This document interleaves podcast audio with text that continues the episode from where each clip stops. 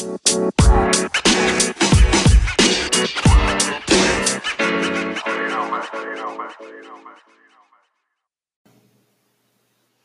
hello, um, welcome to Sekedar Komentar podcast. Um, this is my pilot episode, and my name is Rama. Nama Aditya Dharma. Gue uh, student master, currently pursuing master degree di Amsterdam, and yeah, I'm trying to do this podcast just to sort of waste my time, procrastinate for my thesis, and gue suka komen tentang apapun kejadian sosial atau berita-berita nggak jelas yang terjadi di Indonesia dan di seluruh dunia. And I figured you know what? I like to talk about it with my friends and stuff so could be interesting for other people to listen to. So this is just an experiment. Might not work if you like it so please I don't know share the podcast I guess if not then just don't say mean stuff to me so yeah uh, langsung aja gue mau ngomongin uh, hal setup topik pertama, which is Ahmad Dhani. Uh, I'm sure most of you already heard that Ahmad Dhani difonis satu setengah tahun karena uh, ujaran kebencian or defamation case. Uh, basically awal kasusnya adalah Ahmad Dhani nge-tweet kayak back in 2017 or something. Ya, yeah, back in February 2017 uh, ada tiga tweet yang dilaporin sama pendukungnya Ahok kala itu karena dia di uh, basically let me Google the tweet. Hmm, sorry if you can hear my typing. Uh, this is awkward. I don't know how to do podcast by the way, so this can be like really annoying. Ya yeah, anyway, kayak tiga tweetan itu sebenarnya menurut gue B aja sih yang di yang dicuitin sama si uh, Om Ahmad Dhani ini. Kayaknya satu ya satu adalah yang menistakan agama si Ahok yang diadili Kiai Haji Ma'ruf Amin ADP. That's the first tweet. Second tweet is siapa saja yang dukung penista agama adalah tit yang perlu diludahi mukanya ADP ADP Ahmad Dhani Prasetyo whoever his last name is. Yang terakhir, sila pertama ketuhanan yang Maha Esa, peristah agama menjadi gubernur. Kalian waras. Emphasis on waras. Uh, caps lock semua. That's the two tweets. And basically karena tiga tweet itu, dia sekarang harus dihukum tiga, eh, satu setengah tahun di penjara. I mean, and I don't know about you. I don't like the guy. I think he's arrogant. I think he's just an opportunist that uses fame to gain uh, political advantage and stuff but he does believe in some of the things that he said and he has the right to to have uh, to say whatever that he wants to say. I think pasal 27 Undang-Undang Dasar 1945 tuh melindungi kebebasan kita untuk ber, berekspresi. Uh, pasalnya mungkin gue salah. Jadi kalau salah maaf. You can correct me. But intinya ada kebebasan berekspresi yang dilindungi oleh undang-undang di negara kita dan uh, I don't know whether it covered Twitter or not, but for me, he can say whatever the fuck want to say. And to untuk dia di penjara menurut gue itu harsh banget. Dan I mean gue bukan orang law, gue bukan orang gue gak punya background di hukum sama sekali dan gue gak paham hukum terutama terkait hukum media sosial yang mungkin orang hukum bahkan gak begitu paham karena masih baru banget. Uh, tapi menurut gue itu sesuatu yang lebih ke arah vendetta atau balas dendam dari sisinya pendukung Ahok ketimbang uh, penegakan penegakan hukum, which is which has been a trend with Buniani as well, with Rizik Sihab dikriminalisasi karena pornografi. Uh, dan itu yang sebenarnya pengen gue komentarin gitu, bukan bukan masalah uh, hukumnya ditegakkan atau tidak, tapi gue melihat udah mulai ada tren di mana uh, undang-undang ITE nih uh, tentang pencemaran nama baik atau uh, penistaan agama dan lain-lainnya atau pornografi bahkan. Itu digunakan oleh dua pihak dua kubu baik politik kiri atau politik kanan untuk uh, saling menjatuhkan satu sama lain lah.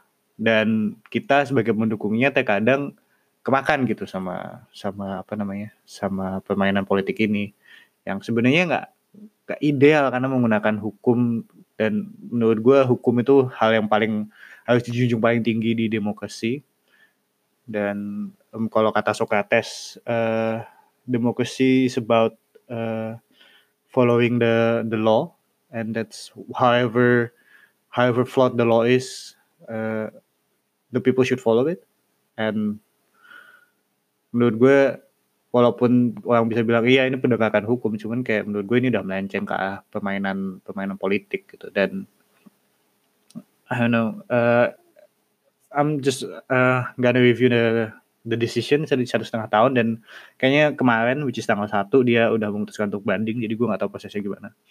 So anyway uh, yeah I mean jujur hal pertama yang muncul di kepala gue ketika keputusan itu ada gitu ketika ketika gue baca artikel di cnn.com atau cnnindonesia.com kalau Ahmad Dhani bakal dipenjara tuh gue langsung kayak ya syukurin gitu kayak yeah, you you've had it coming bro like you you've said all of this nonsensical thing all over the the television and your your Twitter account or whatever social media you're using and then now ya lo memanen apa yang udah udah lo tanam gitu which is which I I mean a lot of people think that way but ketika gue merefleksikan kembali uh, reaksi yang gue gue berikan ke ke keputusan Ahmad Dhani kemarin sama dengan reaksi yang diberikan oleh pendukung-pendukungnya Ahmad Dhani ketika Ahok atau pendukung-pendukungnya Prabowo dan Anies dan dan kubu kanan ketika Ahok difonis satu setengah tahun untuk penjara karena penistaan agama gitu dan gue nggak bisa memungkiri ketika itu gue merasa itu nggak adil gitu. Dan kalau lu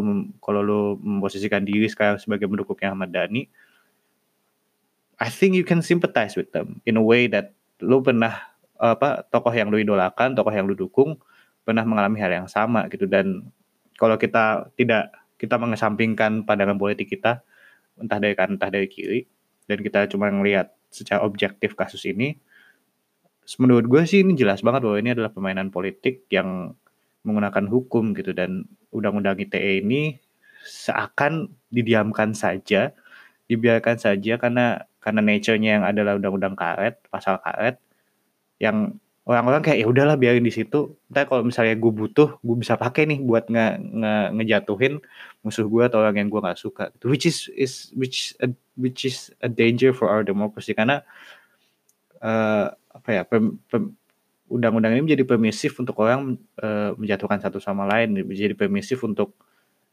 istilahnya taktik politik kotor. Dan demokrasi kan menurut gue idealnya demokrasi itu bukan soal e, bukan hanya soal voting tapi soal soal rakyat bisa mengadu ide gitu. dan ini udah bukan masalah adu ide lagi ini udah masalah konten-kontotan sisi mana yang lebih kuat aja gitu. Dan menurut gue ini nggak sehat aja gitu. Dan hal yang sama terjadi untuk kepada Budiani uh, karena karena dia quote unquote jadi uh, apa ya dalangnya uh, semua ini walaupun sebenarnya mungkin dia hanya pion dan juga terjadi pada Rizik Sihab gitu. Gue juga nggak suka sama Rizik Sihab karena menurut gue dia dia juga menggunakan agama untuk dokumen kotor juga gitu. Cuman uh, apa pun motivasi di belakangnya, yang yang terjadi padanya kasus pornografi yang yang menimpa dia itu mau nggak mau harus diakui it's stretching it a little bit too far. It's it's almost criminalization gitu. Dan gue nggak mau mendukung dia gitu. Gue punya pandangan politik yang yang yang sangat berseberangan dengan apa yang yang dia miliki. Cuman when it comes to law sepemahaman gue uh, it's it's just a fucking tax. Dan menurut gue itu nggak masuk akal untuk untuk dia harus dipenjara karena itu dan dia harus kabur ke Arab karena itu gitu. Dan perkara dia kabur dia nggak balik he's not facing his his his trial it's a, a different case.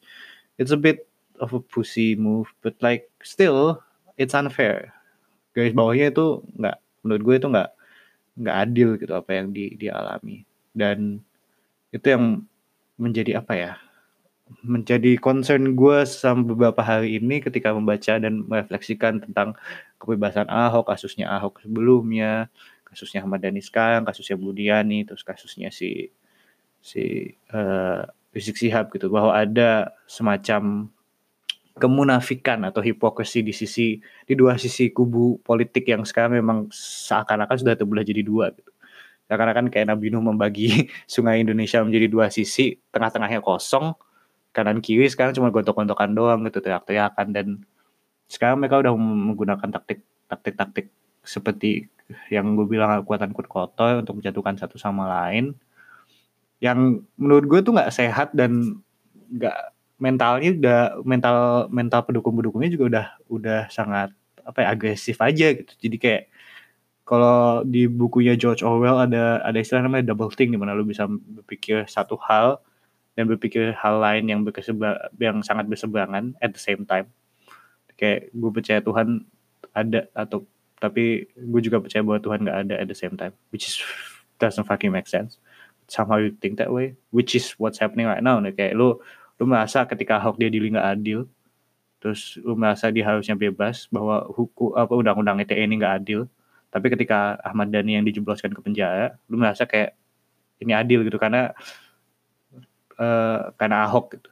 Jadi kayak ini ini apa ya logical fallacy kalau di kalau di research paper kayak just uh, apa sih causation kalau ah kalau lu pernah nulis I'm I'm sure you, all of you have tapi kayak kalau lu nulis research paper atau makalah pasti kan kayak gitu kan kayak uh, just because one thing correlate with each other doesn't mean it cause each other and that's always like the the logical fallacy di Indonesia gitu menurut gue bahwa oh karena Ahok di penjara maka Ahmad Dhani justified buat masuk penjara dengan dengan undang-undang yang sama. Padahal undang-undangnya itu bermasalah gitu menurut gue dan itu kemunafikan orang Indonesia yang menurut gue sangat berbahaya untuk demokrasi kita. Karena lu bisa berpikir bahwa Ahok salah dan Ahok benar dan Ahmad Dhani salah padahal sebenarnya substansinya sama gitu. Dan ketika kita membicarakan tentang undang-undang gitu atau misalnya kita membicarakan tentang kebijakan gitu itu akan menjadi masalah gitu ke depannya. Karena misalnya si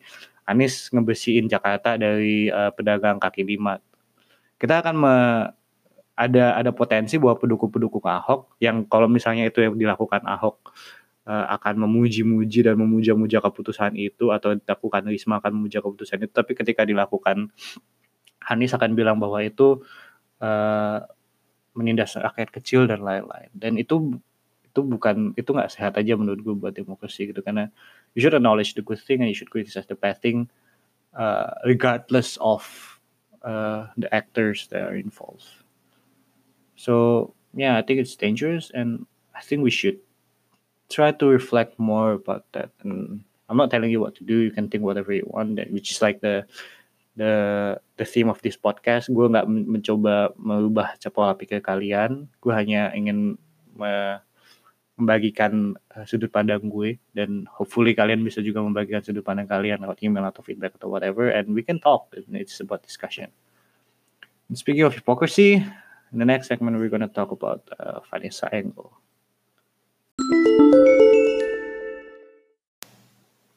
So next, uh, gue pengen ngomongin tentang Vanessa Angel. Vanessa Angel I don't know how to say her last name.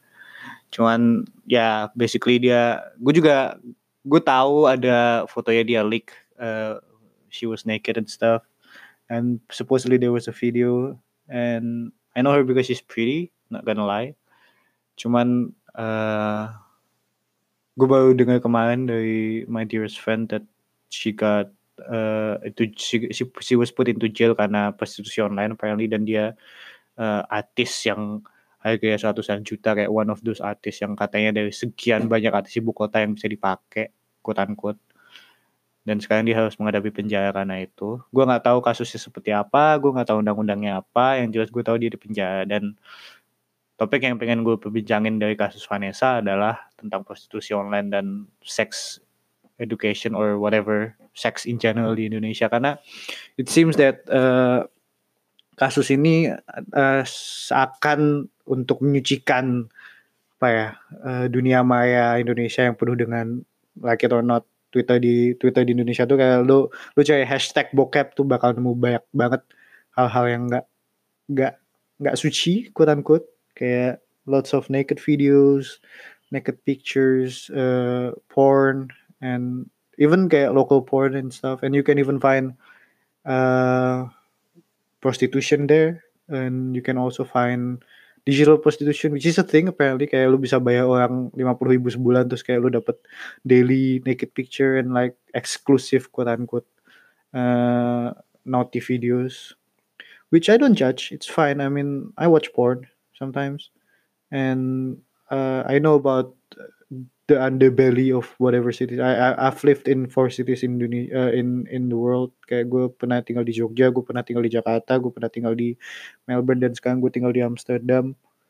Uh, dan di tempat-tempat itu prostitusi ada gitu dan di kayaknya lu ke mana aja prostitusi akan selalu ada gitu dan hal itu di negara-negara maju sudah di sudah diatur dan sudah diregulasi kayak misalnya di sini kita punya red district kita punya uh, brothel kita punya escort service online and stuff yang diregulasi sehingga tidak terjadi hal-hal seperti apa uh, kehamilan di nikah, eh, kehamilan di nikah is a thing anyway sih, kayak bukan kehamilan di nikah sih, tapi kayak kehamilan yang tidak diinginkan atau sexual transmitted, transmitted disease atau HIV yang juga di Melbourne juga di di diregulasi. Cuman di Indonesia kan masalahnya adalah uh, itu against agama quote unquote atau against Al-Quran atau kitab suci atau apa pun lah ke apa uh, faith yang kalian punya gitu.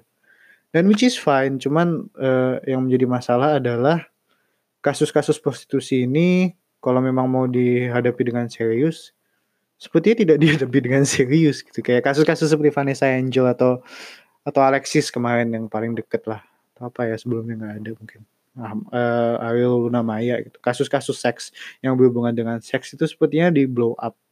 Tuh mungkin sebenarnya gue pernah kerja di di TV gitu dan sebenarnya kita nggak mencoba memblow up juga sih. Cuman karena emang momentumnya naik jadi kita mau nggak mau harus report itu gitu terkadang. It's, it's another topic to discuss and I might, I might discuss in future episodes but uh, yeah I think uh, kasus-kasus ini cuma sengaja di blow up sehingga seperti seakan melihatkan memperlihatkan ada progres bahwa uh, penegak hukum uh, going against prostitution stuff like that. Which kenyataannya mungkin enggak gitu karena kenyataannya sekarang Alexis kembali beroperasi. Gue nggak tahu tapi beroperasi sebagai tempat legit apa enggak. Atau uh, online prostitution juga tetap ada gitu di kali kali jodoh enggak sih mungkin. Kali bata tuh kayak terakhir gue dengar masih ada. Terus kayak tempat-tempat pijet juga di Jakarta masih masih nyebar gitu dan I mean udah jelas banget gitu. Gue yang yang nggak tahu much about in, apa Jakarta Underbelly gue spend 4 tahun di sana gue lewat sebuah tempat pijat aja. Kayak gue dari luar juga udah bisa lihat bahwa ini tempat gak beres gitu dan I mean I have nothing against the people who work there or people who goes there. Who am I to judge cuman kalau emang kita sebagai negara ingin mengabolish itu I don't think we're taking it seriously. And I don't and gue nggak melihat masalah ini pergi. Dan sebenarnya sejujurnya gue nggak melihat ini sebagai masalah gitu. Karena seks itu kan sebenarnya apa ya hal yang natural gitu. Kayak kita diciptakan untuk to want to have the desire to have sex gitu. Karena ya itu cara kita mereproduksi dan cara kita survive gitu. It's survival one on one we have sex because we us as uh, a being want to survive gitu. Kalau kita nggak have sex ya at the end uh, kok peradaban sih? Apa sih namanya? Spesies kita punah gitu. Dan dan that's how it is made gitu. Be it because of evolution or because God intends it to be that way. Nevertheless that's the way it is gitu. Dan menurut gue uh, agak sedikit apa ya nggak masuk akal ketika kita menggunakan kitab suci sebagai alasan untuk tidak tidak melakukan seks di luar pernikahan padahal pernikahan sendiri itu man made dan kan I mean belief gue belum tentu apa yang kalian percaya gitu dan it's fine. Cuman uh, ya yeah, anyway kita perlu sebuah perbincangan seks yang komprehensif tanpa harus berpikir bahwa seks itu tabu dan seks itu hal yang buruk gitu. Kayak selama ini kita terbatas dengan prejudis bahwa seks adalah hal yang harus stay di pernikahan dan nggak boleh diperbincangkan. Dan itu yang sebenarnya menurut gue membatasi semua masalah ini gitu. Yang kayak semacam membuat masalah ini nggak kelar-kelar karena kita mau ngomongin aja nggak bisa gitu. Kayak kita ada masalah prostitusi gitu. Oke, prostitusi konsekuensinya apa? Pernikahan apa kehamil, kehamilan dini uh, child labor apa child child abuse terus kayak uh, eksploitasi kaum wanita dan lain-lainnya gitu dan hak-hak mereka jadi terkesampingkan just because kita nggak bisa ngomongin tentang seks secara terbuka gitu kayak we don't even have a, a good sexual education system gitu padahal sex ed itu hal yang paling penting. Kayak kalau di, di, di negara maju mana pun lo SMP lu udah mulai puber lu diajarin gitu. Kayak how how how penis and vagina works and what may uh, how to how to have sex and how to stay sexually healthy and stuff. Dan ada undang-undang juga yang melindungi itu gitu melindungi anak sehingga anak 17 tahun nggak nggak boleh berhubungan seks dengan orang yang senior atau sebaliknya dan whatever it is gitu. Dan kita nggak bisa ngomongin itu karena seks itu tabu gitu. Dan itu hal yang uh, menurut gue itu masalahnya ada di kita bukan cuma di, di pemerintah karena kita sebagai warga negara kita termakan oleh uh, ajaran-ajaran yang membilang membicarakan bahwa seks itu hanya setelah pernikahan. Kayak ngomongin seks doesn't mean that you want to do sex outside of marriage if you actually believe in that. It's okay to talk about sex gitu karena at the end lu juga perlu ke, perlu perlu pengetahuannya ya lu nikah lu nggak tahu caranya having sex ya agak salah juga kan. So yeah, I think our Indonesia's obsessions with sexuality and sex itu kayak kemarin kasusnya Shopee tiba-tiba di, di dipermasalahkan karena bikin iklan tentang eh, yang terlalu seksi quote unquote. So what gitu kayak masturbation is actually if you masturbate there's less chance of you raping people, isn't there? I don't know, there's kayak nggak ada nggak ada nggak ada background researchnya tentang itu sih. Maybe there is, I don't know. Like I'm just making assumption, but kalau semuanya kayak wah terlalu seksi kita harus menutupi mata kita. Ah terlalu terlalu terbuka kita harus kita harus band karena nanti kita nafsuan gitu. Ya ya, ya, ya gimana? Nafsu itu natural gitu. Nafsu itu bagian dari insting primal kita insting animalistik kita gitu. Dan sekarang perkaranya tinggal bagaimana kita memahami insting itu dan bagaimana kita menchannel insting itu dengan benar gitu. Bukan bukan terus di ditutup-tutupin gitu. Kalau yang namanya macan lapar lu nggak bisa nggak bisa terus kayak ada daging ditutup-tutupin biar dia nggak lapar nah memang lapar lapar aja gitu. Lama-lama juga kalau dia nggak lihat daging lama-lama kangkeng besi juga dimakan gitu. Kan I don't know whether that's a good simile or hypothesis, but like I don't know. Kok hypothesis sih apa namanya? Simile or perumpamaan or whatever. But you know, like kayak nggak ada gunanya juga gitu nutup-nutupin terus gitu. Yang ada sebenarnya yang lebih berfungsi adalah kita actually duduk bareng ngomongin oke okay, seks ed gini, uh, seksu, hubungan seksual itu seperti ini, yang aman tuh seperti ini, yang sehat tuh seperti ini terus konsekuensi hubungan seks di luar seperti apa kalau nggak seperti apa. Dan maybe maybe when we can start talk about that then uh, next stepnya kita bisa ngomongin sistem prostitusi ya seperti apa. Apakah kita mau sistem prostitusi apa enggak apakah prostitusi akan dilarang apa enggak atau kita akan bikin kayak Las Vegas di Indonesia di mana prostitusi ada itu jadi orang-orang nggak perlu nggak perlu diem-diem nanti tinggal datang ke sana. Atau orang harus ke Singapura whatever like kalau emang udah jelas semuanya nggak ditinggalin abu-abu kayak gini cuma satu dua kasus doang di underscore terus kasus lainnya didiemin aja kalau udah jelas ya lebih enak gitu kalau buat diomongin atau buat di di ditegakkan hukumnya gitu. Tapi sekarang kan kita nggak jelas gitu maunya apa atau gimana. Dan kemarin gue kayak ngeliat tweet ada ada cool tweet tentang RUU uh, eh, perlindungan wanita atau something like that yang lebih komprehensif tentang kekerasan seksual terhadap wanita, which is good. Cuman kan masalahnya sekarang kita kita nge, uh, dan gue uh, my dearest friend have this problem being catcalled and terus uh, pelecehan seksual dan lain-lainnya gitu. Dan masalah-masalah yang cowok-cowok Indonesia tuh nggak paham gitu karena I mean they don't even know about sexual harassment. So they don't understand the idea of sexual harassment. Dan hal kayak gini tuh nggak akan bisa masuk akal ketika hal seperti fundamental hal-hal paling fundamental seperti sex ed aja nggak ada gitu. Dan uh, semuanya tuh based on uh, ajaran agama yang cowok lebih tinggi daripada cewek atau ajaran agama yang seks itu harus di harus di apa ya disembunyikan atau whatever it is. Then I don't know what's the point of this this talk or this segment is but like uh, yang pengen gue tekankan adalah jangan takut untuk membincangkan tentang seks dan jangan takut untuk berpikir tentang keinginan seksual kamu dan bertanya-tanya tentang seperti apa sih uh, seks yang sehat atau tidak. Dan dari situ kamu bisa ngomongin tentang aborsi, kamu bisa ngomongin tentang apa pun itulah hal-hal sensitif yang lain gitu. Karena kita banyak banget topik yang nggak bisa diomongin kayak misalnya aborsi itu menurut gue hal yang sangat penting dan uh, I personally believe that a woman should have the right to do abortion, and also the woman should have the rights to to apa namanya to keep their child if they want to. Cuma kan sekarang di Indonesia masalahnya uh, misalnya cewek hamil karena uh, they forgot to wear condom with their boyfriend or they don't know how condom works at the first place. Terus kayak ngobrol ke orang tuanya disuruh orang tuanya aborsi. First of all aborsi bisa bikin masalah juga buat kalau nggak dilakukan dengan baik dan benar bisa bikin masalah buat rahim gitu dan dia she might not be able to have a child in the future atau misalnya uh, dia pengen dia dia nggak punya duit tapi karena karena di aborsi itu membunuh quote unquote nggak boleh diaborsi gitu. padahal uh, dia nggak punya kapabilitas secara ekonomi atau kapabilitas jadi orang tua ujung-ujungnya anaknya juga jadi anak jalanan anyway gitu. Dan it's it's also not a good case gitu. Dan masalah aborsi itu nggak bisa nggak nggak nggak hitam putih gitu. Masalah aborsi itu selalu abu-abu. Dan sekarang kita nggak bisa ngomongin tentang seks bahkan. Kayak kalau kalau lu tiba-tiba hamil terus lu apa cewek lu hamil atau cowok lu hamil terus kayak lu nggak bisa ngomongin siapa-siapa karena kayak asumsi orang tua asumsi society adalah lu lu tidak melakukan seks. Dan itu hal yang berbahaya menurut gue ketika lu nggak bisa berbicara tentang terang-terangan tentang masalah lo apa pun itu ya yang ada lu sembunyiin. Dan menyembunyikan sesuatu selalu berujung pada sesuatu yang yang nggak yang yang nggak bagus lah yang nggak positif lah. Kecenderungannya sih.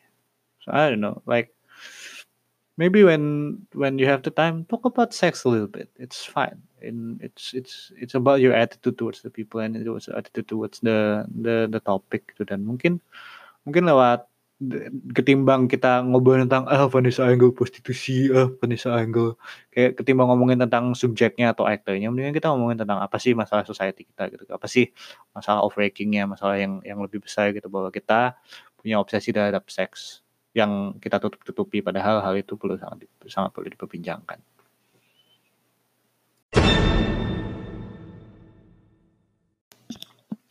Oke, okay, um, that's pretty much the two topics that I want to talk about this week. Um, rencananya sih gue pengen bikin podcast ini seminggu sekali, cuman nggak tahu kayak listening back to to things yang gue gue gue sangat notice. Satu, gue cadel kelihatan banget, which is ya udahlah ya. Kayak I've, I've lived with that for 25 years now. Dua, gue ngomong suka muter-muter, jadi maaf. Nah gitu, and I'm, I'm going to try to do it more efficiently and better in the, in the future episodes assuming that people are listening and stuff.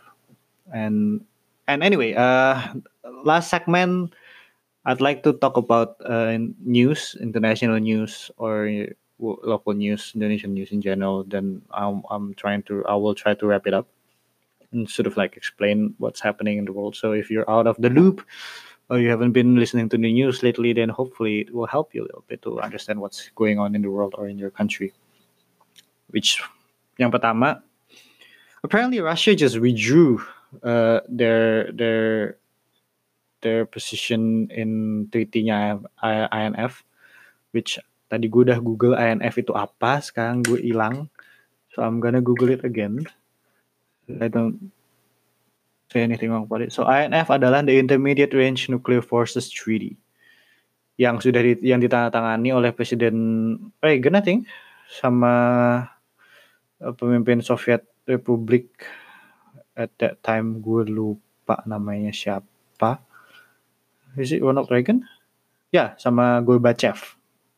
Uh, Mikhail Gorbachev intinya adalah kedua negara ini ketika habis perang dingin kala itu menandatangani perjanjian bahwa dua-duanya akan mengembangkan senjata nuklir atau misil nuklir yang short ballistic long, short or long ballistic missiles gitu dan kemarin US bukan kemarin beberapa hari yang lalu US lewat Donald Trump decided to withdraw from the agreement. Intinya dia tidak akan mengikuti perjanjian itu lagi, which ada potensi uh, implikasinya atau potensinya adalah US akan ngembangin senjata nuklir. Karena kan dulu perang dingin kan basically mereka kuat-kuatan bikin senjata paling kuat lah. Ya nggak ada was there really I'm not good with war history so I might be wrong. So if I'm wrong, apologize but uh, apa namanya intinya mereka uh, part of the Cold War kan ada space race juga yang kayak cepet-cepetan akhirnya US ke bulan itu kan walaupun ada conspiracy theory mereka cuman bikin video sama Martin Scorsese or whatever but I don't believe that anyway ya pokoknya kuat-kuatan uh, teknologi militer lah teknologi misil gitu dan even I think Ronald Reagan at some point uh, al- allowed the the military research to develop a laser, which is fucking cool by the way. Anyway, ya gitulah. Terus tweet itu ditulis ketika Soviet, I think that's around the time Uni Soviet sort of broke, or maybe not. My world history is shit, so I'm sorry if I say anything wrong. So anyway, mengikuti keputusan US yang by the way di back sama beberapa pemimpin European karena karena jadi begonya US withdraw dari Russian INF Treaty dari INF Treaty ini karena mereka menganggap selama ini Rusia nggak nggak nggak nggak ngikutin perjanjian ini anyway gitu. Mereka masih develop nuklir anyway gitu. Dan kenapa gue harus ngikutin? Karena mereka ngikutin ya udahlah gue withdraw aja. Terus now I can develop my own uh, nuclear missile whatever.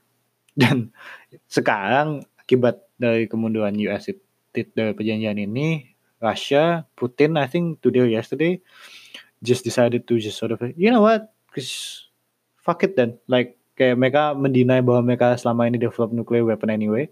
Terus kayak now they just sort of withdraw from the treaty as well.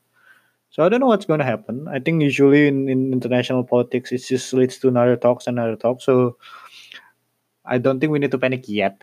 Kayak wah tiba-tiba nanti ada perang dunia ketiga whatever. I mean perang dunia ketiga bakal kejadian anyway I think. But I don't think this will lead to anything just yet.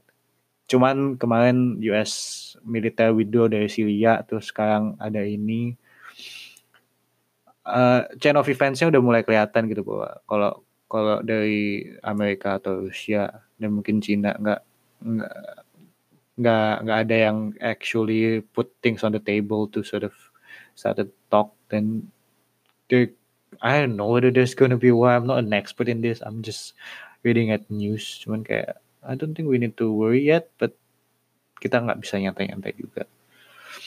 And on another news there was and still is a polar vortex in Chicago.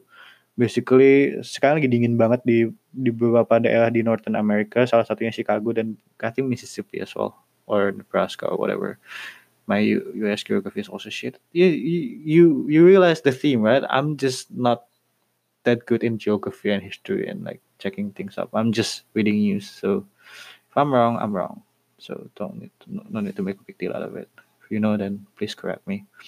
But yeah there's a polar vortex in Chicago. Basically dia sekarang bisa sedingin minus 40 minus 45 atau bahkan minus 50 which is lebih dingin daripada kutub utara. Which is fucking scary man. Kayak literally kayak kalau lo bukan ANG atau Twitter atau whatever banyak banget lah video orang lempar air panas ke ke keluar terus langsung tiba-tiba beku. Atau lu buka pintu isinya salju doang things like that. And that's the that's one of the impact of climate change I guess. Uh, dan polar vortex sendiri kemarin gue ngobrol sama temen gue yang ngambil geologi it's basically just this uh, gust of wind atau maybe gust of hurricane in a way kayak quote unquote hurricane di yang selalu ada di atasnya di atasnya kutub utara yang bikin bikin uh, the weather. So weather and climate is a different thing. Weather is cuaca sekarang saat ini. Climate tuh lebih ke arah apa ya iklim nah, okay. climate tuh iklim weather itu cuaca dan jangan disalah artikan atau jangan di mereka nggak interchangeable gitu iklim it, uh, cuaca itu yang terjadi hari ini dan saat ini saja iklim itu yang mempengaruhi apa yang terjadi pada cuaca hari itu that's like cara bodoh melihatnya dan that's the only way I understand it could be wrong again so anyway uh, ya yeah. Dan polar vortex ini yang biasanya ada di kutub utara apparently was uh, was pushed to Northern American territory. So mem, ya essentially efek yang terjadi akibat polar vortex yang biasa terjadi di kutub utara sekarang terjadi di Amerika Amerika Utara gitu. Dan it's a bit scary I guess and it's cold. Kayak saking dinginnya kayak rel kereta api mereka harus literally dibakar. Kalau nggak beku dan nggak bisa dipakai. Dan di ada extreme of the world which is di Australia di ujung bawah. Lagi extreme weather juga gitu lagi ada kebakaran di mana-mana. Uh, I think I mean there's always wildfire in Australia anyway cuman kayak lagi panas banget lah bisa sampai 40 derajat panasnya di Melbourne di New South Wales or beberapa negara bagian. Dan terakhir di Queensland juga ada banjir. I don't know why kayak I think it's because of sea level rising or something like that but it's also concerning So yeah, uh, this is I guess the theme for the next few years that there will be a lot of natural disaster in a way happening around the world, weird climate, weird uh, weird weather. Karena even di di Amsterdam sekarang kayak kemarin minggu lalu salju, sekarang salju lagi. Terus kayak kemarin sempat salju terus sekarang udah kering lagi. Cuman kayak I think it's still normal here in the Europe. Cuman tahun lalu summernya di sini tuh nggak pernah lebih dari 34 I think or something like that. Tahun lalu bisa sampai 40 juga gitu di sini which is unheard of. Jadi emang ada tren yang sedikit mengerikan, sedikit mengkhawatirkan di dunia saat ini tentang climate change.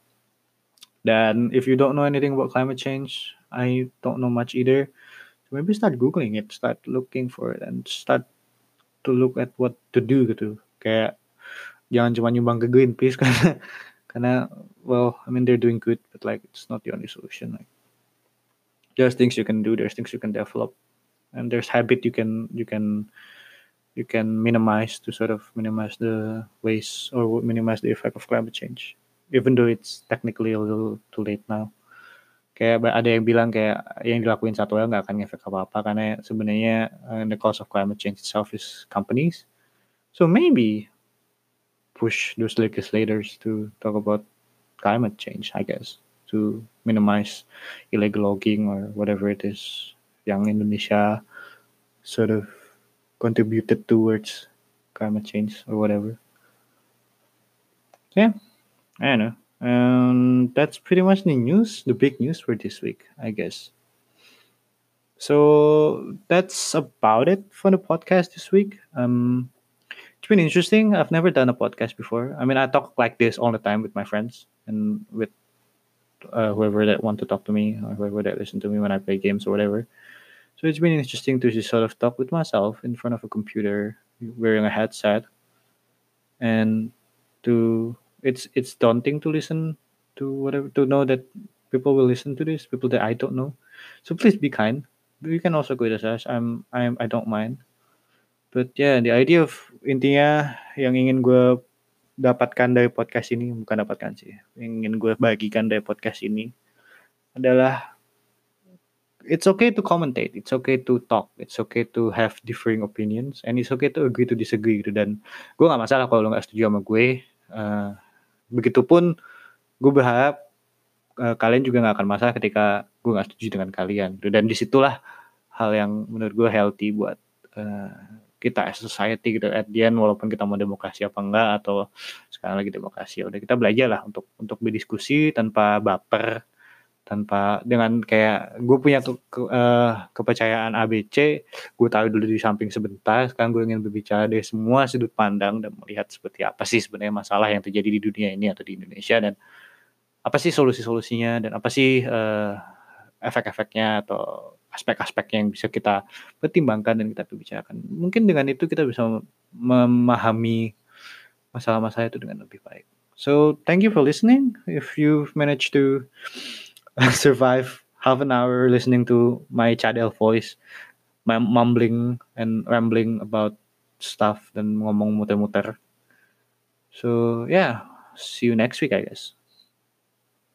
You know,